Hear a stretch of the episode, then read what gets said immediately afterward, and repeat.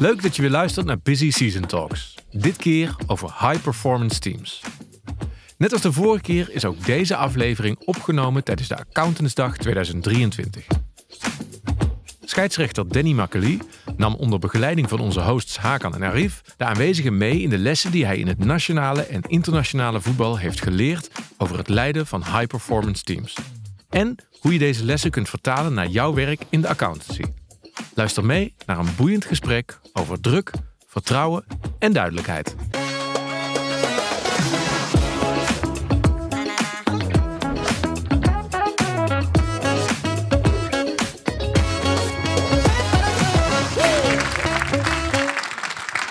Welkom uh, bij deze hele mooie sessie over high-performing teams. Ja, waarom high-performing teams? Jullie hebben vandaag de keuze uit heel veel verschillende sessies, deelsessies, maar ook de ochtend, waarin bijvoorbeeld AI wordt besproken, wordt arbeidsmarkt besproken. We hebben het over technologie, we hebben het over wetgeving. Maar uiteindelijk moet het team, wij in teams, dat voor elkaar krijgen.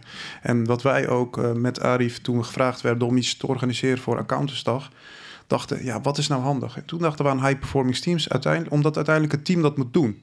En wij hebben de afgelopen jaar tijdens de Busy Season Talks heel veel geleerd juist van niet-accountants. Dus dachten we, ja, maar laten we even een niet-accountant vinden die een beroep heeft, die ook te maken heeft met veel wet en regelgeving, veel veranderende technologie, onder druk presteren. Ja, toen kwamen we bij Danny Makkely uit. En uh, ja, die gaat vandaag daar wat over vertellen. Het wordt een interactieve podcast. En uh, ja, we gaan uh, van, vooral van uh, Danny Makkely leren en hoe zij daarmee omgaan in de scheidsrechterswereld. Er zijn heel veel parallellen te trekken, maar dat laat ik aan Danny over. En die verbinding gaan we straks ook samen maken. Dus ook, we zullen jullie ook vragen naar voorbeelden, zodat we die interactieve discussie met elkaar kunnen voeren. Danny? Dankjewel, Hakan. Ja. Om te beginnen een korte inleiding. We hebben dadelijk uh, een achttal kernkwaliteiten, uh, heb ik genoemd in de presentatie, die eigenlijk van uh, belang zijn in het team waarmee ik werk. Al sinds zeven jaar met een vast team, zowel nationaal als internationaal. En, en eigenlijk wat hier op het scherm nu staat, dat is voor jullie gesneden koek. En dat is ook voor ons in de topsport. We winnen en we verliezen samen. En zo is het altijd. Ik kan heel goed fluiten. Maar als mijn grensrechters een fout maken, dan worden we daarop beoordeeld. Dat straalt af op het team. En uiteindelijk zorgt dat ervoor of dat we wel of geen volgende wedstrijd krijgen. Maar andersom ook. Mijn mensen kunnen het in het team heel erg goed doen. Maar als ik het niet goed doe, dan is dat hetzelfde effect. Want uiteindelijk worden wij altijd als team beoordeeld. En in het betaalde voetbal, we willen allemaal de top bereiken. We willen allemaal de topwedstrijden fluiten. We willen allemaal FIFA-scheidsrechter zijn naar EK's en WK's. Maar dat is niet voor iedereen weggelegd. Dus dat gaat echt om kwaliteit, maar ook toewijding. En uiteindelijk, hoe vorm je een team samen en hoe werk je met elkaar succesvol samen? Nou, het mooie hiervan is, vind ik, als ik kijk naar Max Verstappen. Max Verstappen, die kennen we allemaal. Dat is onze wereldkampioen. Hij is de nummer één. Hij staat op het podium. Hij krijgt ook alle aandacht. Maar binnen een team zijn er natuurlijk heel veel mensen die daar ook aan meewerken. Het is niet alleen Max Verstappen. Dit is het hele team. Al deze mensen die kennen wij niet, maar zonder zijn team kan Max Verstappen ook niet presteren. Dus dat vraagt om verbondenheid, dat vraagt om afspraken met elkaar maken, dat vraagt om toewijding, dat vraagt om doelstellingen. En met die doelstellingen wil ik straks eigenlijk eventjes beginnen, want we hebben het hier over high-performing teams. En als high-performing teams succesvol samenwerken, dan kom je uiteindelijk op een podium te staan. Als je kijkt naar Björn Kuipers, die floot de finale van het EK, Pitana, het WK in Rusland. Deze scheidsrechter die de finale heeft gefloten op het WK Clubteams. Maar we zien dat ook bij de vrouwen. Als we kijken naar Stephanie Frappard, is op dit moment vrouwelijk nummer 1 ter wereld scheidsrechter. Die op dit moment ook bij de mannen in de Champions League fluit. Bij de mannen op het WK voetbal fluit. Zij is de enige op dit niveau die laat zien dat ze ontzettend goed is. En dat er geen verschil is tussen mannen en vrouwen op topniveau in de sport. En hopelijk daarmee moedigt zij ook andere vrouwen aan om datzelfde te bereiken. En dat kan alleen maar als je in een teamverband goed samenwerkt, als je doelen nastreeft, als je er keihard voor werkt, maar met name ook als je met elkaar samenwerkt. Want we kunnen met elkaar werken en we kunnen samenwerken. Dat is nog wel een groot verschil. Het lijkt bijna hetzelfde, maar het is niet helemaal zo. Er is nog wel een verschil, maar daar kunnen we straks nog wel even over vragen. Want ik heb hem hier staan. Misschien, Hakkan, misschien voor jou een leuke vraag van hoe, hoe ziet het publiek het verschil tussen met elkaar werken en samenwerken? Ja, misschien is dat een uh, mooie vraag aan iemand. Arif. Iemand die daar graag uh, op zou willen antwoorden. Dan gooien we gewoon de microfoon. Ja, ik gooi hem even naar je toe. Uh, mijn naam is Alexander Bouwman. Ik werk bij Companium in Emmen.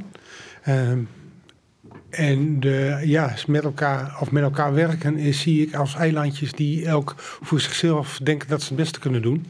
En samenwerken is echt uh, dat je als team met elkaar het samen doet. En dus ook samen verantwoordelijk uh, bent voor het eindproduct. Ja, en hoe zorg je dat er niet die eilandjes zijn? Uh, ja, zorgen dat er onderling gecommuniceerd wordt. Je ziet heel vaak dat de ene doet dit en de andere doet dat. En uh, ze weten van elkaar niet altijd wat er gedaan is. Nou, en dan is het eind, uh, eindresultaat vaak ook uh, beroerder als dat ze het wel van elkaar weten. Ja, dus je zegt eigenlijk blijven communiceren ja. met elkaar. Ja. Hoe kijk jij daarnaar, Denny? Nou, dat is zeker waar. Kijk, en het voordeel wat ik heb, we hebben soms te maken met wisselende teams. Hè, teams die niet elke keer op dezelfde wijze met elkaar samenwerken of in dezelfde samenstelling. Ik heb het voordeel dat ik als scheidsrechter samen met Seder Gozubayuk de twee scheidsrechters in Nederland ben elite status hebben. Dat betekent dat wij een, een, vast team hebben waarmee we nationaal en internationaal samenwerken. Het voordeel van een vast team is, je leert elkaar door en door kennen. Je weet van elkaar wat je wilt. Je weet hoe je met elkaar moet communiceren. En daar hou je dus ook rekening mee. En binnen een team moet er een klimaat worden ontwikkeld. Een klimaat waarin je je veilig voelt. Waarin je jezelf kunt zijn. Waarin je elkaar respecteert en accepteert. En dat is eigenlijk de basis van goed teamwork.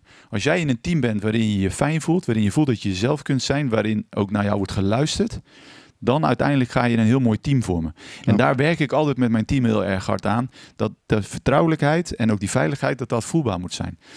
En we kennen allemaal wel humor, we hebben allemaal geintjes. En waar ik een hekel aan heb, is cynisme omdat ik heb gemerkt in het voetbal, ik heb in verschillende teams gezeten, dat we zeggen wel eens in elk geintje zit een seintje. En we kunnen op een bepaalde manier met elkaar omgaan en grapjes maken.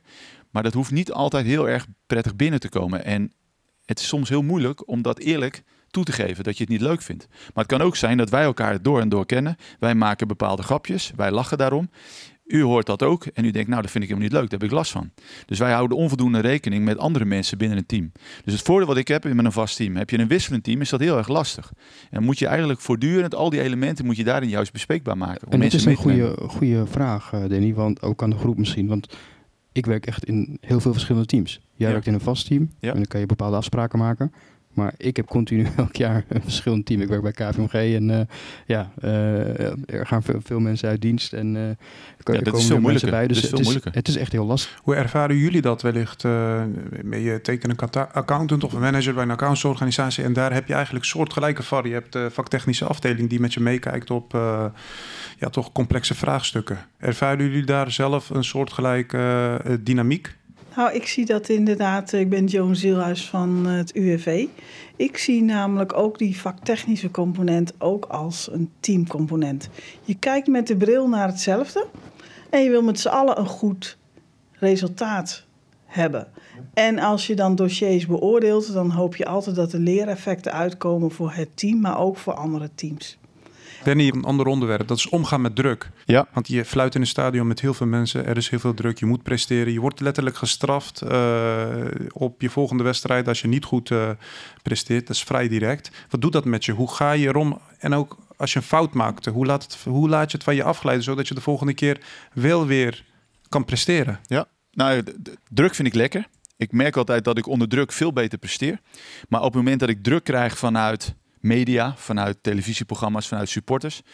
Eh, bedreigingen, ik krijg veel bedreigingen, mensen hebben veel kritiek. Uh, gelijk, maar ook vaak ongelijk. Er is nooit een hoor en wederhoor. Mensen hebben hun mening klaar over ons, over wat we doen. En wij kunnen ons nooit verdedigen. Onze mening wordt nooit gevraagd.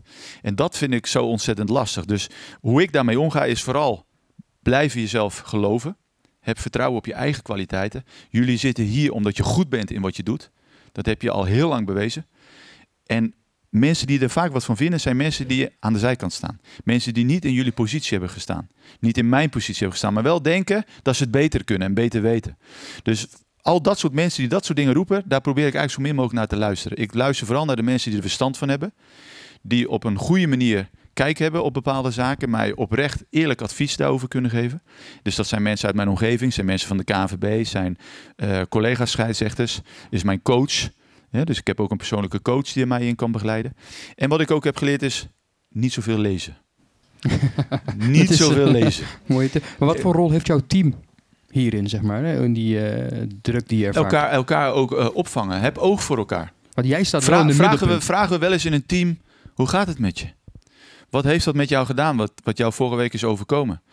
Uh, als je een keer een fout hebt gemaakt, wat, hoe ben je met die fout omgegaan? Wat kan ik daarvan leren? Wat kun je mij Ik vind het wel interessant. Een stukje intervisie. Je hebt, je, hebt, je hebt natuurlijk een team om je heen, hè? dat zijn die grensrechters. En uh, stel dat die grensrechter een fout maakt, uiteindelijk ben jij dus uh, degene die al die shit over zich heen krijgt. Ja. Maar, maar dat vind ik ook, als het goed gaat, zeg ik altijd, het team heeft het goed gedaan. Als het fout gaat, zeg ik altijd dat ik het fout heb gedaan. En ik vind dat dus leiderschap. En wat vindt, wat vindt jouw team daarvan, dat jij dat zo Ja, doet? die vinden dat heel mooi. Want dat is heel fijn natuurlijk. Want ik kom altijd voor de camera. Niet de, de grensrechters als ze een fout hebben gemaakt. Of de vierde man. Of de, of de, de videoscheidsrechter. Ik ben eindverantwoordelijk, dus ik kom voor de camera. En ik neem het ook altijd voor ze op. Publiekelijk. Dat vind ik heel belangrijk in een team. Je valt elkaar niet af niet af naar buiten toe. Dat er in het team soms harde noten worden gekaakt, dat hoort erbij. We mogen elkaar best wel stevig aanspreken als bepaalde dingen niet goed gaan. Maar het is gewoon heel belangrijk, niet je vuile was buiten hangen. Bespreek dat intern en het liefst nog één op één. Juist. Doe dat niet met anderen erbij. Eerst één op één. Ja, Alex? Ik denk dat een vraag is. Ja, dag, uh, mijn naam is Alex. Uh, ik ga zo met tegenzin de, de zaal verlaten, omdat, uh, omdat ik nou eenmaal ook de andere sessies een beetje bij moet gaan wonen. Maar dit, is, dit is eigenlijk, ik zeg tegenzin, want dit is goud wat jullie doen. Um, wat ik me afvraag, want ik heb het zelf, ik hoop dat, uh, dat is even niet voor de journalist in de zaal, maar in mijn twintig jaar, laat ik het maar anoniem zeggen, heb ik wel eens ook wel eens de vorm van via bedreiging, uh, laat ik het maar noemen, ja. gehad. Dat je echt niet, uh, dat het echt heel onprettig wordt. Zeker. Wat doe jij, hoe ga je om met bedreigingen? Want in ons werk wordt het soms ook een beetje uncool, zullen we zeggen. Ja, kan natuurlijk niet voor iedereen spreken, maar ik heb het voordeel gehad dat ik 22 jaar bij de politie heb gewerkt. Uh, moeilijke incidenten gestaan, ook echt incidenten waarbij ons leven als politiemensen echt wel in gevaar kwam. Maar veel belangrijk is, ik ben niet zo bang aangelegd. Ik kom uit een defensiefamilie. Uh, mijn vader is beroepsmilitair, mijn oom is beroepsmilitair, mijn broer is korpsmarinier. Ik werk bij de politie, uh, dus wij zijn niet zo snel bang. En ik denk ook dat je dat vooral niet moet uitstralen als je angst uitstraalt, dan gaan mensen dat oppakken. En dan gaan ze het juist misbruiken. En dat is op het veld ook. Als ik laat zien aan spelers dat ik twijfel, of dat ik onder de indruk ben van het stadion, van de spelers zelf, van het publiek, dan pakken ze. En ik denk altijd, ja, ze zijn boos op mij als scheidsrechter, niet boos op mij als mens. Je moet eigenlijk de huid creëren van olifanten, niet de oren. Wauw.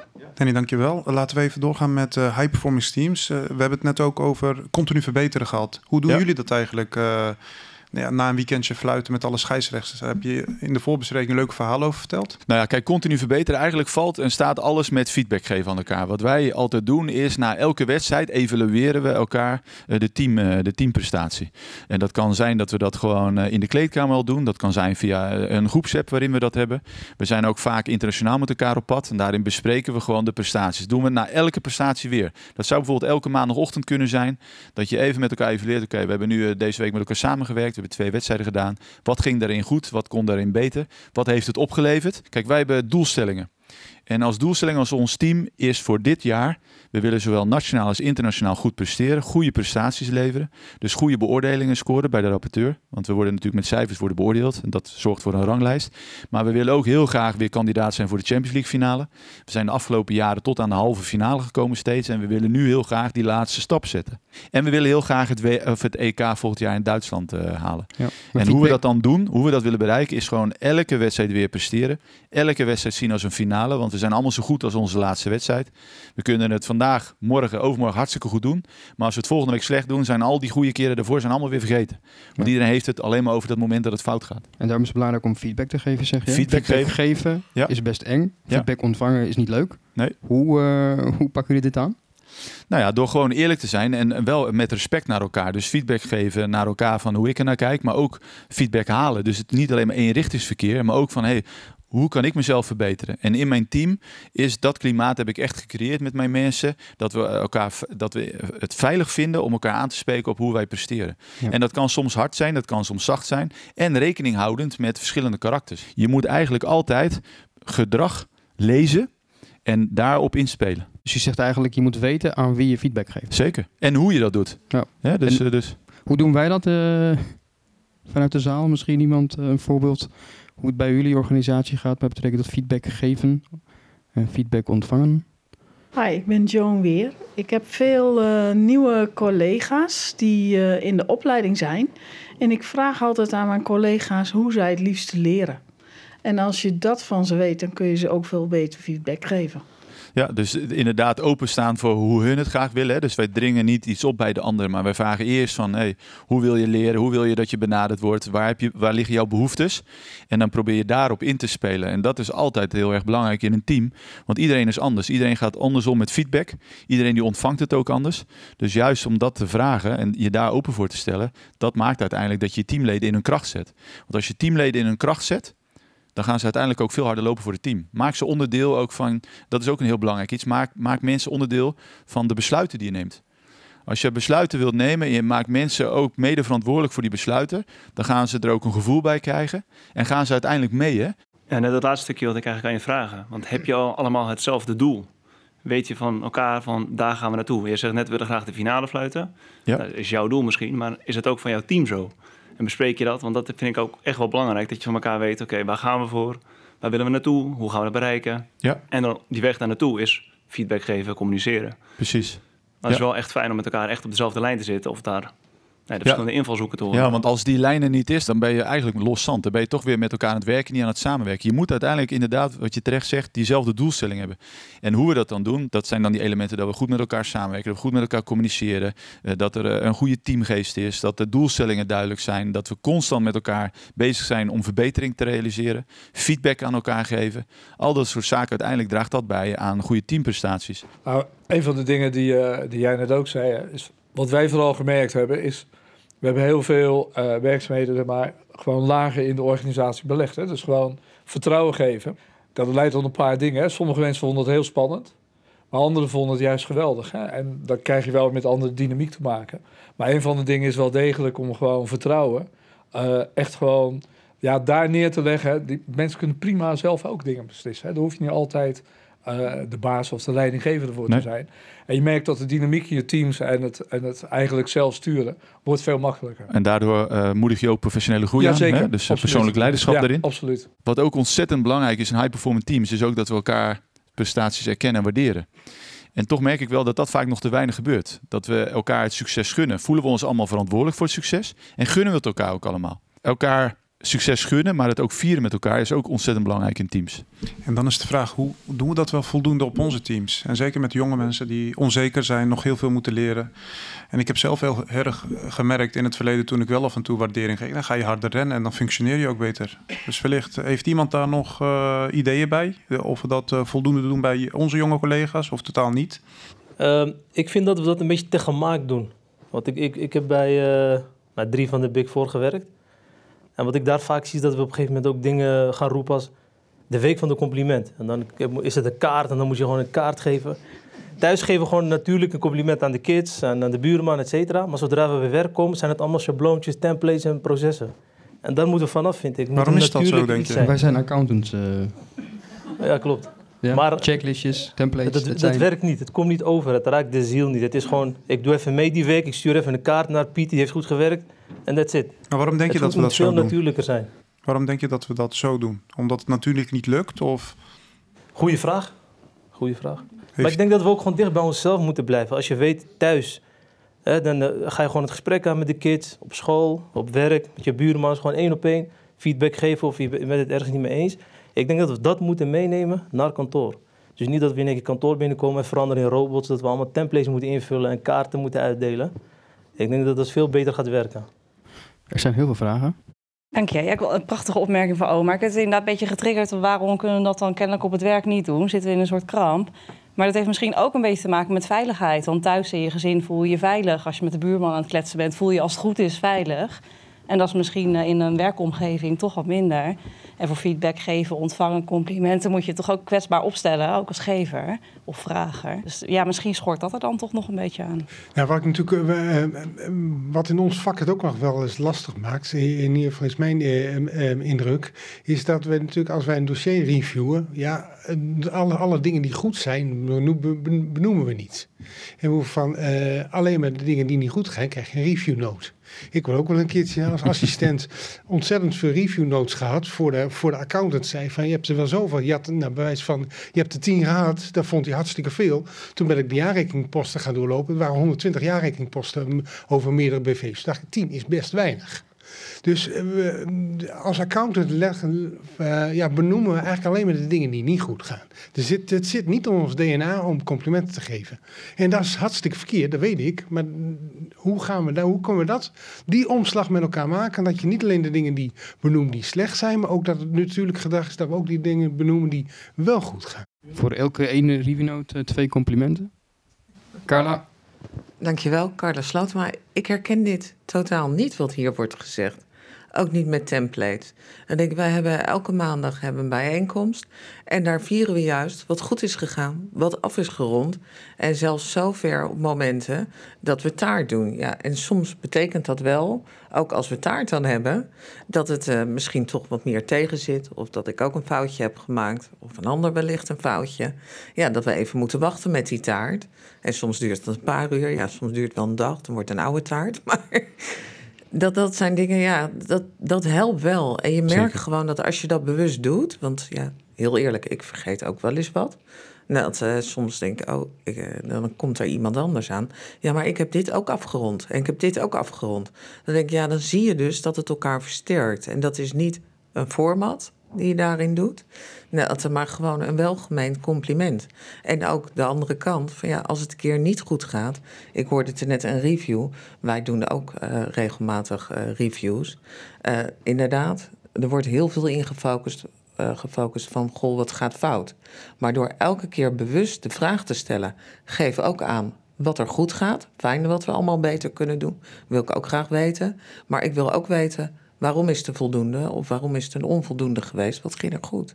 Als, ik, als we het hebben over samenwerken hè, binnen het team, maar we kunnen het ook hebben over samenwerken met de klant. Als ik hem vertaal van mij naar samenwerken met de spelers, proberen wij als scheidsrechters ook heel vaak preventief en proactief te werken. Of als je een speler hebt die veel gebruik maakt van zijn armen, of iemand die vaak gele kaarten pakt voor praten, ik noem maar wat. Dus wij proberen altijd aan de voorkant, proberen wij met de spelers in gesprek te gaan om ervoor te zorgen dat het in de wedstrijd niet zo ver hoeft te komen. Ik hoorde u net zeggen over het beoordelen van dossiers. Als je tegen een fout aanloopt, dan ga je natuurlijk in gesprek met de klant. Maar mijn vraag is eigenlijk, kunnen jullie ook preventief en proactief werken om te voorkomen dat je eigenlijk al in de controle tegen fouten aanloopt?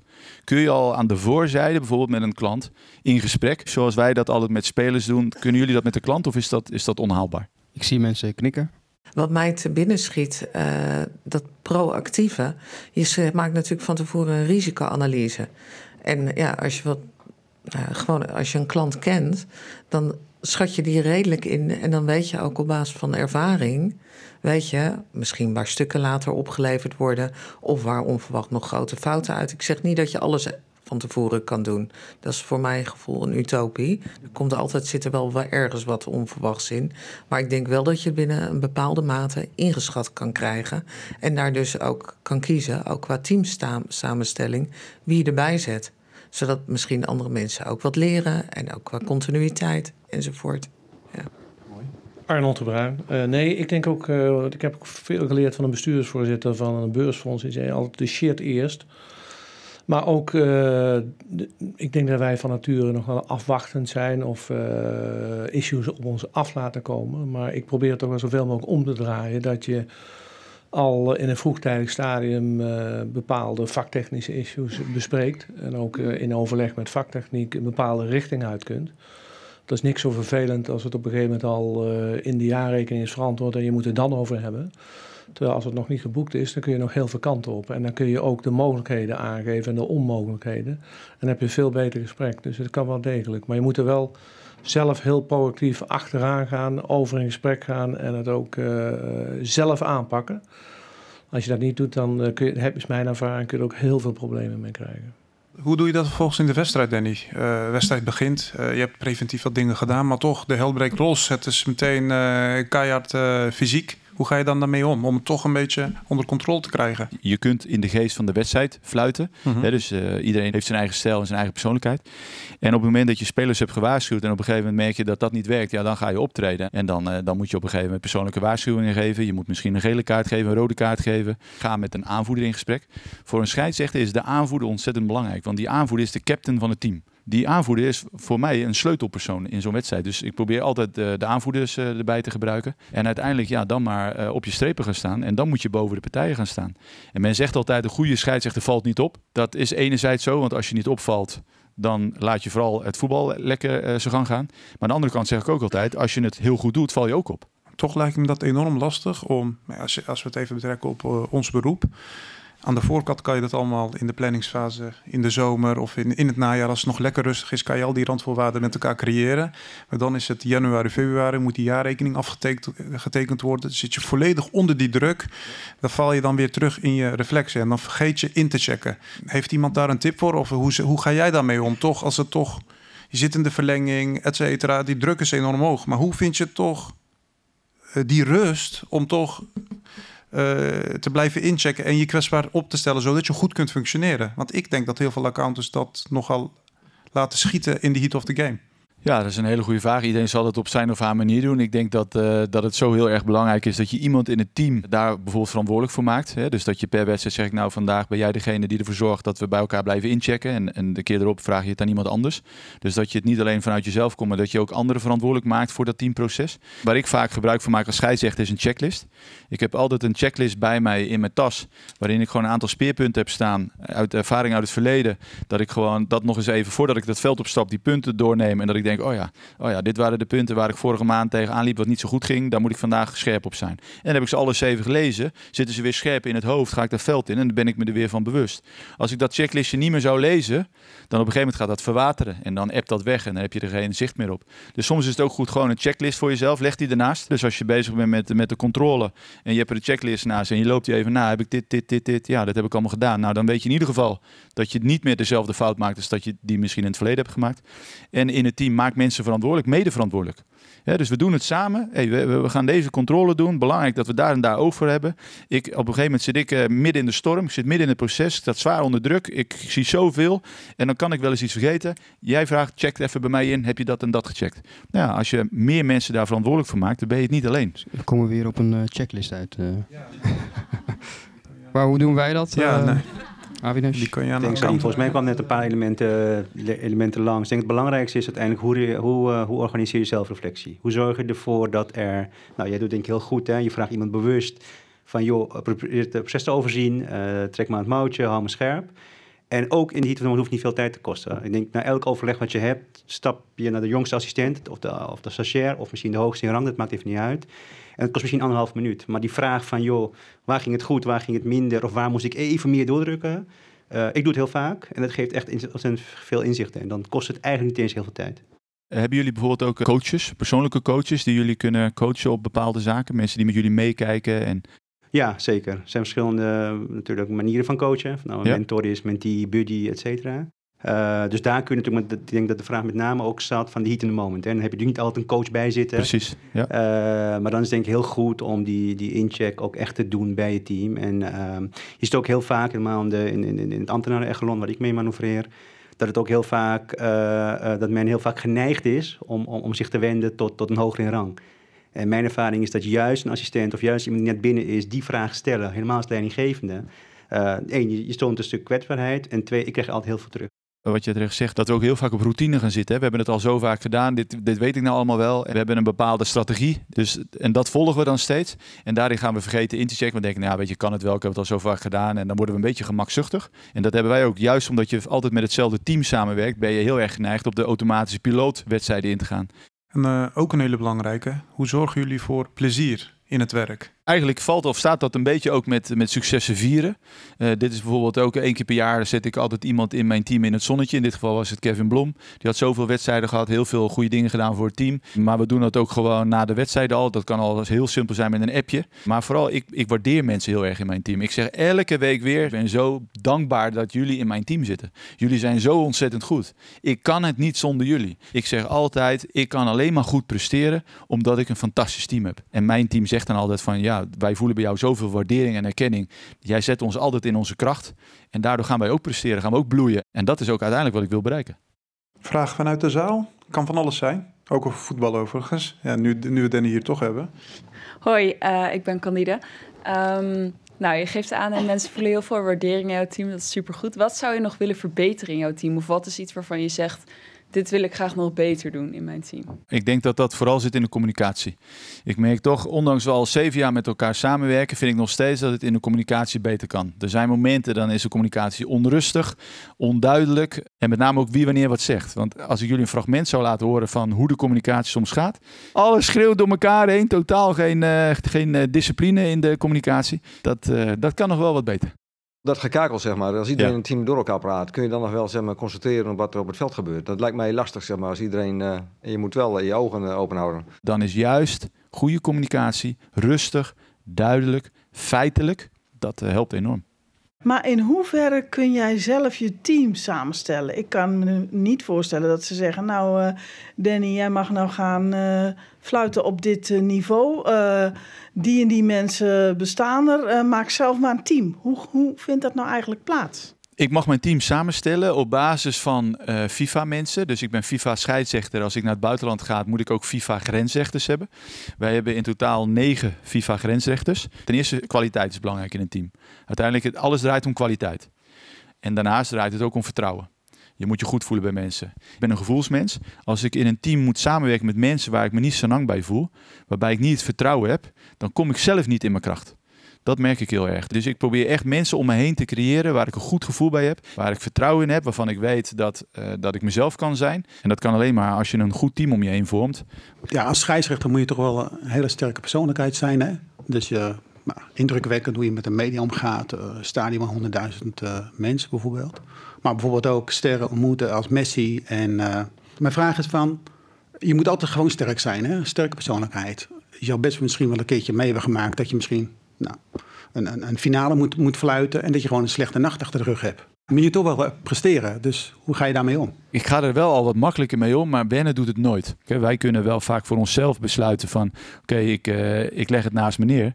Maar de mensen die wij lief hebben, de mensen die ons lief hebben... dat is vaak moeilijker, want daar heb je geen grip op. Krijg je daar ook wel hulp bij? Eigenlijk te weinig, vind ik. We gaan nog naar een laatste vraag. Ja, dankjewel. Kun je de lessen die je opdoet op het veld in een klein team... kun je dat toepassen bij de politie? En of zijn daar verschillen? Ik zei altijd dat uh, beide beroepen hebben mij ontzettend versterkt. En dat is van politie naar scheidsrechter, maar ook van scheidsrechter naar politieman. Omdat je ook op het veld leert rustig te blijven, deescalerend op te treden. Blijf in verbinding met de spelers, blijf goed communiceren met je team. En dat vertaalde zich ook weer terug naar straat. Dus op het moment dat ik bij, bij een incident stond of een grootschalig optreden, uh, dan bleef ik ook altijd heel erg rustig. En als ik dan de mensen aanstuurde, dan wist ik gewoon dat de communicatie altijd feitelijk moest zijn. Effectief, duidelijk en rustig. Dat heeft elkaar ontzettend versterkt. Sterker nog, mijn bekendheid als scheidsrechter hielp mij enorm in mijn politiewerk. Als de politie naar een melding gaat, dan komen wij vaak of voor slecht bericht, of we komen omdat we moeten gaan handelen. Mensen hebben vaak, oh de politie komt, dan zijn ze boos. Mensen zitten in een emotie en dan liep ik vaak vooraan. En dan zag je aan mensen dat ze, als je dan aankwam lopen, dan waren ze boos. En dan keken ze aan en zeiden, eh, maar jij bent toch die scheidsrechter? Maar je merkte wel dat ze in hun emotie, de emotie daalde. Ze vergaten dat ze boos waren. Want als je iemand kent, dan is dat heel anders. Dan heb je heel snel een band. Dus ik werkte als een soort afleider. Dus dat werkte bij de burgers heel erg goed, bij meldingen. En als wijkagent hielp het enorm in het netwerken. Als je netwerkt en je bent een bekend persoon, automatisch is er, is er geloofwaardigheid. Eh, mensen vertrouwen je sneller. Je hebt sneller verbinding met mensen. Dus ik had daar heel veel voordelen van. Danny, heb je nog een laatste boodschap? Voor de, de, groep. Volgens mij is dit een, een hele mooie boodschap die wel voor jullie geldt. Theodor Limberg. En volgens mij kennen jullie die allemaal wel. En toen dacht ik, je mag nooit meer vertrouwen werken dan op basis van je werkzaamheden gerechtvaardigd is. Vertrouw op elkaar, werk goed met elkaar samen, gun elkaar het succes, let op elkaar, persoonlijk contact. En uh, teamwork makes the dream work. Ja. Dankjewel Danny. Dankjewel. Graag gedaan. gaan we afsluiten. Ja.